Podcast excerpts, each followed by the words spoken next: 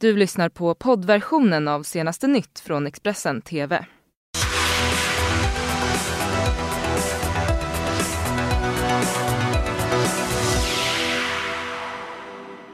Mm, vi säger god morgon. Det här är senaste nytt. Det är onsdag den 2 oktober och jag heter Johanna Gräns. Och eh, vi ska nu ta en titt på våra huvudrubriker. Kraftig brand i fritidshus utanför Stenungsund. Och Nordkorea uppges ha avfyrat ytterligare ett antal kortdistansprojektiler. Och företagsledaren Leif Östling, känd för citatet Vad fan får jag för pengarna? släpper ny bok och för dina pengar Leif Brännström berättar han om sin resa genom näringslivet. Men vi tar och börjar med att en kraftig brand har rasat i ett fritidshus i Spekeröd utanför Stenungsund under natten. Huset blev övertänt, helt övertänt och kommer inte gå att rädda. Det här enligt räddningstjänsten. Och eh, de har jobbat med att förhindra eh, dessutom en spridning av den här branden. Men, eh, och även polisen har, eh, befinner sig på plats och kommer ta över nu arbetet med att undersöka eh, hur branden har startat startat eh, och eh, vi kan rapportera också att vid 05.30 meddelade man att branden var släckt och ingen person eh, har rapporterats blivit skadad i samband med den här händelsen. Då ska vi gå utrikes. Vi ska till Nordkorea för landet uppges nu att ha avfyrat ytterligare ett antal kortdistansprojektiler tidigt eh, på onsdagsmorgonen lokal tid. Det här enligt sydkoreansk militär. En av eh, robotarna, robotarna ska ha landat i Japans ekonomiska zon uppger den japanska regeringen enligt nyhetsbyrån Yonhap. Eh, det har inte kommit in några rapporter än så länge om att flygplan eller fartyg i närheten ska ha påverkats. Det här skriver Reuters. Avfyrningen den kommer bara dagen efter att Nordkorea meddelat att eh, kärnvapensamtalen med USA kan komma att återupptas nu på lördag. Så tillbaka till Sverige. Sveriges blivande EU-kommissionär Ylva Johansson har fått ett av eh, de svåraste politikområdena på sitt bord, nämligen att ena EU i migrationsfrågan. Och igår, för att helt kunna då godkännas som EU-kommissionär, frågades hon eh, ut under tre timmar i EU-parlamentet. Och hon medgav att hon var nervös innan detta, men att hon såg fram emot att detta skulle ske. Men Senare, ja, då nåddes vi ju av nyheten att, eh, och uppgifterna då att EU-parlamentarikerna inte riktigt var nöjda. Ja, under tisdagen var det Ylva Johanssons tur att grillas i EU inför axlandet av sin nya roll som EU-kommissionär. Johansson har ju fått ett av de svåraste politikområdena på sitt bord, att ena EU i migrationsfrågan. Hon frågades ut i tre timmar och syftet var att se om hon helt kunde godkännas som EU-kommissionär. Men parlamentarikerna var inte helt nöjda med Ylva Johanssons svar och hon kommer därför inte att godkännas som EU-parlamentariker omedelbart. Ylva Johansson eh, svarar svarade inte tillräckligt eh, rakt eh, på frågorna och i synnerhet kring hur hon ser på Eh, den nya kommande invandringspolitiken.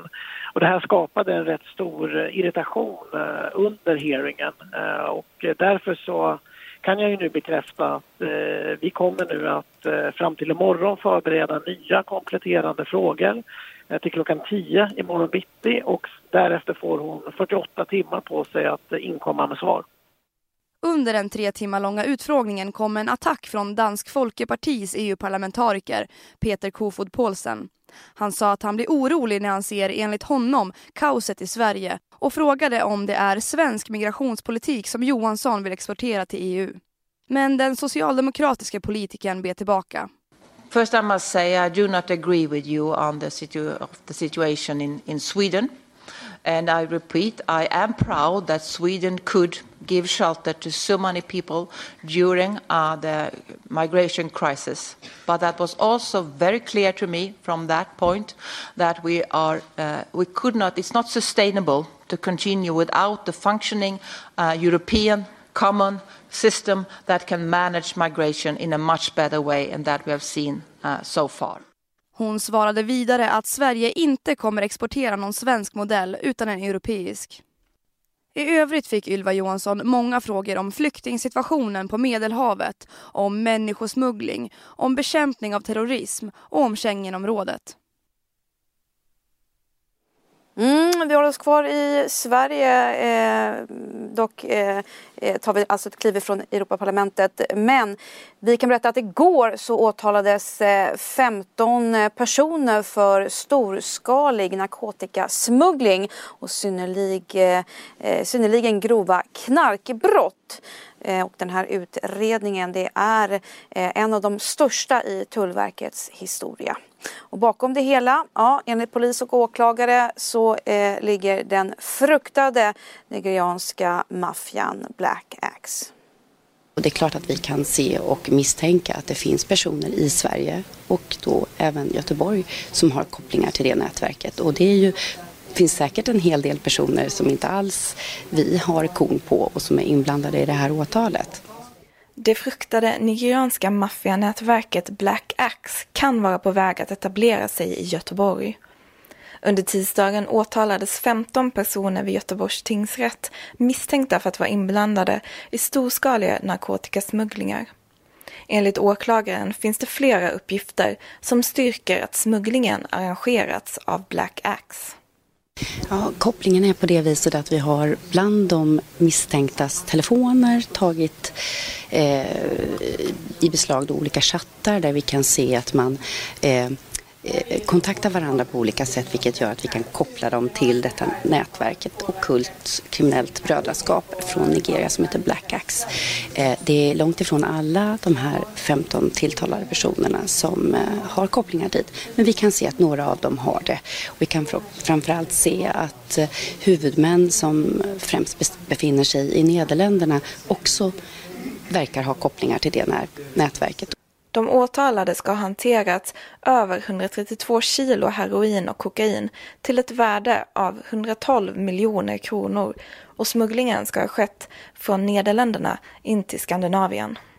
Vi har ju läst på om det här nätverket så naturligtvis finns det ju dels att man eh, hotar eh, men också att vi vet, vi har sett bilder eh, i utredningen kring att man har eh, helt enkelt eh, mördat personer och det är ju också känt om man läser på eh, om nätverket som sådant. Men det vet vi eh, att det förekommer. Det här är ingenting som vi har någon indikation på att det har hänt i Sverige utan det är i hemlandet eller i andra länder där nätverket är etablerat. Eh, den kända företagsledaren Leif Östling han har nu släppt en bok eh, där han skriver om sin karriär i näringslivets tjänst. Och för dina pengars Leif Brännström berättar han mer om sin resa och, eh, eh och uppmärksamheten kring det kända citatet eh, där han då eh, sa vad fan får jag för, för pengarna? Det här sa han i ett uttalande i SVTs Uppdrag granskning. Det berömda uttalandet du hade här, då, vad fan får jag för pengarna? Det är det som har gjort dig känd kan man säga för svenska folket. Ja, det verkar så. Och eh, det hade jag ingen aning om när jag gjorde det här uttalandet. Men då hade jag varit på Svensk Näringsliv och jag hade ju sett med studier vi hade gjort hur dåligt en stora delar av den offentliga produktionen av tjänster fungerar och vilken stor variation som finns från kommun till kommun. Och det är spännvidd på uppåt 50 procent i kostnader. Och eh, vi har ju också sett leveransen utav sjukvårdstjänster med väldigt långa köer, ökande köer, människor som kommer in och jobbar där, slutar efter ett tag, står inte ut. Och det är ju slöseri. Och därför ställde jag frågan, vad fan får vi för pengarna? Men, det var inte riktigt genomtänkt då i det läge när du ställde, för du var ju under ganska hård press från Uppdrag granskning vad jag förstod. Jo, de överraskade mig och eh, i princip det var ett påhopp. Och jag blev eh, naturligtvis störd utav det. Samtidigt hade jag det här i bakhuvudet. Så det ena gav väl det andra. Eh, och nu har du då kan man säga gått in i åldringsbranschen eh, ganska hårt. Ja, det stämmer. Eh, vi håller på här och tittar på ett nytt koncept för åldringsvård. Men det börjar med när människor blir äldre och tycker att nu vill man lämna sin villa, man vill ha ett bekvämare liv i lägenhet eller bostadsrätt. Man vill ha tillgång till service för att sedan ta det sista steget över i ett vårdboende. Och vi kallar det där för go-go, slow-go och no-go. Mm. No-go, det är äldreboendet. Och att göra det här på ett helt annat sätt än hur det fungerar idag så vi får en mänsklighet i det. Men här ser ni också möjlighet att tjäna massa pengar antar jag? Nej, det är inte därför vi gör det. Utan vi gör det för att vi tycker att det som finns inte fungerar bra. Vi kan göra någonting mycket bättre. Kan vi sen tjäna lite pengar på det så må det vara hänt. Men det är inte därför vi gör det. Eh, på vilket sätt är det inte bra idag menar du? Nej, det fungerar ju inte. Vårdsystemet funkar inte. Och vi ser också på långa tider för att komma in i ett vårdboende. Och vi ser också i vårdboende att vi har väldigt stor personalomsättning. Eh, människor slits ut på grund av att man inte tar tillvara på alla tekniska hjälpmedel som finns. Man har alltså en enorm utvecklingspotential genom att ta tillvara nya tekniker. Eh, har ni rätt ut eh, era, er, er fight i den här affären? Nej, det var inte mycket att reda ut utan den som redde ut fighten det var ju Mario Monti i Bryssel som gav tummen ner och sa det blir ingen affär. Och då är det inte så mycket mer att prata om. Om jag förstått saken rätt så firar ni genom att eh, hissa EU-flaggan? Ja, det är klart. Och Mario Monti blev vår Super Mario kan ni läsa på Expressen.se. Drottning Silvia hon befinner sig just nu i New York för att att eh, eh, delta vid en galamiddag med stiftelsen Childhood som i år firar 20 år. Och inför den, eh, som då eh, skedde igår kväll, träffade hon Expressens eh, Thomas Kvarnkullen där hon bland annat då hyllar prinsessan Madeleine för eh, hennes engagemang eh, och boken som hon släppt under året. Som mor är man ju väldigt eh, är ju rörd och jag är glad och jag är väldigt stolt också. Därför att hon har varit väldigt aktiv. Hon har gjort två eh, ska vi säga, Thank you campaign och så, så Eyes Wide Open som var fantastiskt. Alltså, det var ju här på Times Square då sa man plötsligt ett stort öga som säger bara anmäla det du ser. Det tyckte jag var väldigt fint. Men nu har hon också skrivit en bok om eh, Stella och hennes hemligheter. Och det... Vad tycker drottningen om boken?